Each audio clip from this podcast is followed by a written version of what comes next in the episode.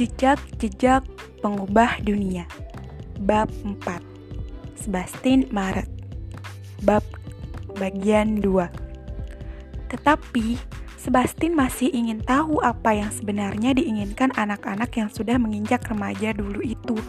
Merekalah yang dulu tampak bersikeras menginginkan pendidikan. Terhadap kelompok pertama dengan anak-anak yang lebih tua, saya kembali pada mereka dan bertanya sekali lagi, jika kalian tidak benar-benar ingin bersekolah, apa yang kalian inginkan? Bertanya dan mendengarkan mereka sekali lagi. Mereka akhirnya menjelaskan apa yang mereka maksud dengan pendidikan. Mereka ternyata membutuhkan pekerjaan. Mereka ingin mendapatkan uang. Betul, mereka memang ingin belajar, tapi hanya dengan konteks yang berbeda. Itulah saat kami memulai pelatihan kejuruan. Tapi saya katakan, Kalian juga perlu belajar karena kalian tidak boleh menjadi bodoh dan tidak tahu bagaimana membaca dan menulis. Sebab kalau tidak, kalian tidak dapat mempertahankan pekerjaan itu.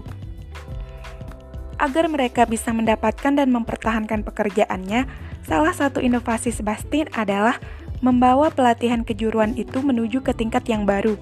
Anak-anak benar-benar bekerja di bidang pekerjaan tempat mereka sudah belajar keterampilannya. Satu contoh adalah mendirikan restoran tersebut. Para pegawai pe bekerja dengan setiap kapasitas yang ada, dari menjadi pelayan restoran, pencuci piring, hingga belajar menjadi seorang chef. Seiring berjalannya waktu, mereka menemukan bidang terbaik yang mereka kuasai. Gagasan lain adalah membuka salon kecantikan, tempat para gadis dapat belajar menangani manikur, pedikur, atau potong rambut, suatu pekerjaan yang mudah dialihkan dan keahlian yang diidam-idamkan di kota ini.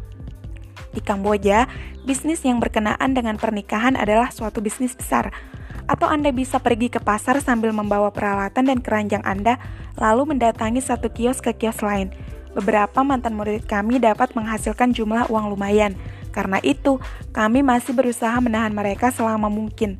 Kami mencoba menahan mereka untuk tinggal lebih lama sehingga mereka akan mendapat lebih banyak keterampilan yang lain dan lebih banyak keterampilan lain.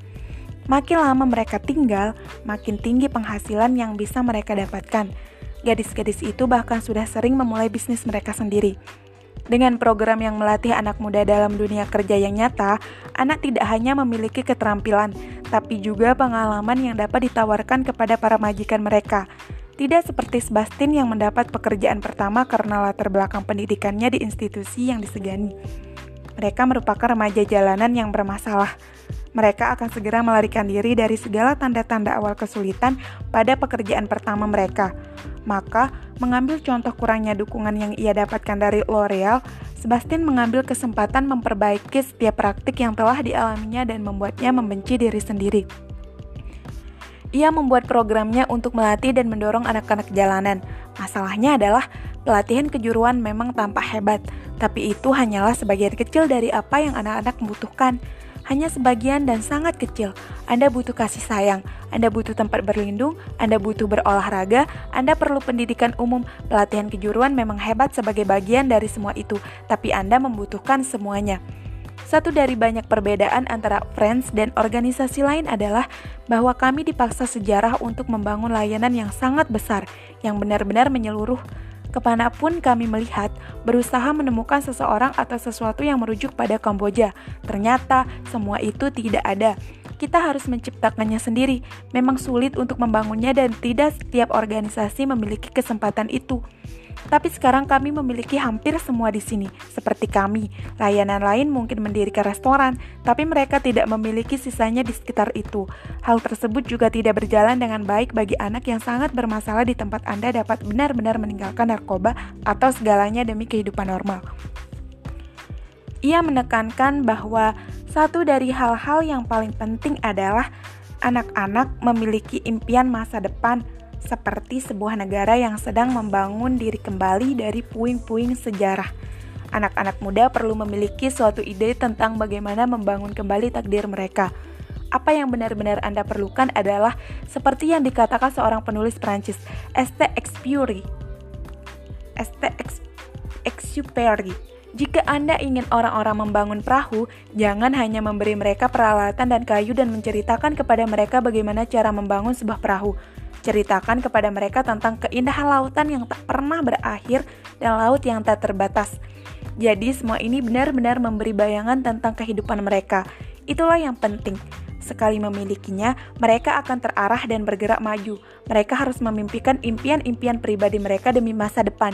Dengan sepenuh hati, Sebastian sependapat dengan komentar Siri tentang sepasang sepatu pertama yang dimilikinya impian-impian kecil seperti sepasang sepatu. Itu penting. Anak-anak jalanan tidak memiliki banyak impian, tapi apa yang mereka miliki? Anda harus menariknya keluar dan mendorong mereka untuk berpikir bahwa semua ini mungkin dicapai. Seperti itulah hal yang berlaku bagi semua anak, khususnya anak jalanan.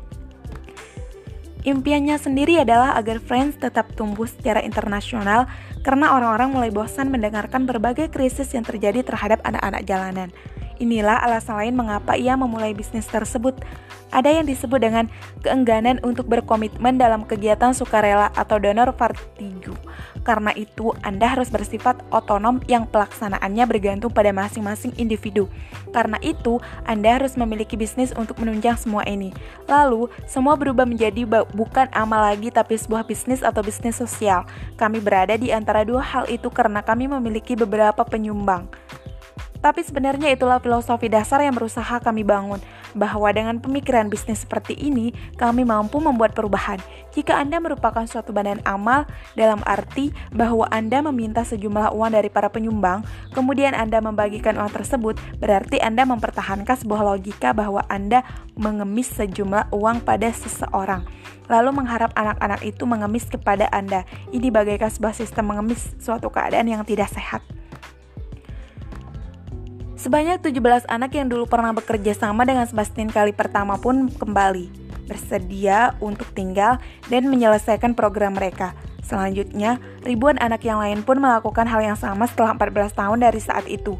Kini, pemerintah Kamboja telah meminta Friends untuk membuka cabang yang lebih menjangkau seluruh negara. Bahkan, pemerintah Thailand dan Laos pun sudah meminta mereka untuk memperagakan program mereka di negara-negara tersebut. Sebastian telah memulai merintis program lain disebut Child Safe yang juga berkembang hingga ke Eropa. Idenya sendiri adalah mengajak pelaku bisnis dan masyarakat untuk mengambil tanggung jawab atas keselamatan anak-anak mereka. Sebastian telah menerima The Order of Australia, penghargaan besar dan dana sebagai social entrepreneurship dari The School Foundation di Amerika Serikat. Maka dari kesalahannya yang pertama, setelah mendengarkan lagi dan lagi, sekarang Sebastian merasa berada di jalur yang benar. Dan karena ia bertemu dengan beberapa individu dari negara-negara lain, mulai dari Thailand Thailand hingga Kenya, ia pun mengetahui bahwa hasil temuan mereka pun sama dengan hasil temuannya.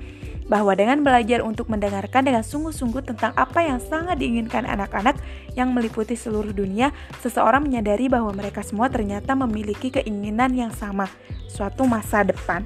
Dengan dorongan yang tepat, mereka pasti akan mendapatkannya.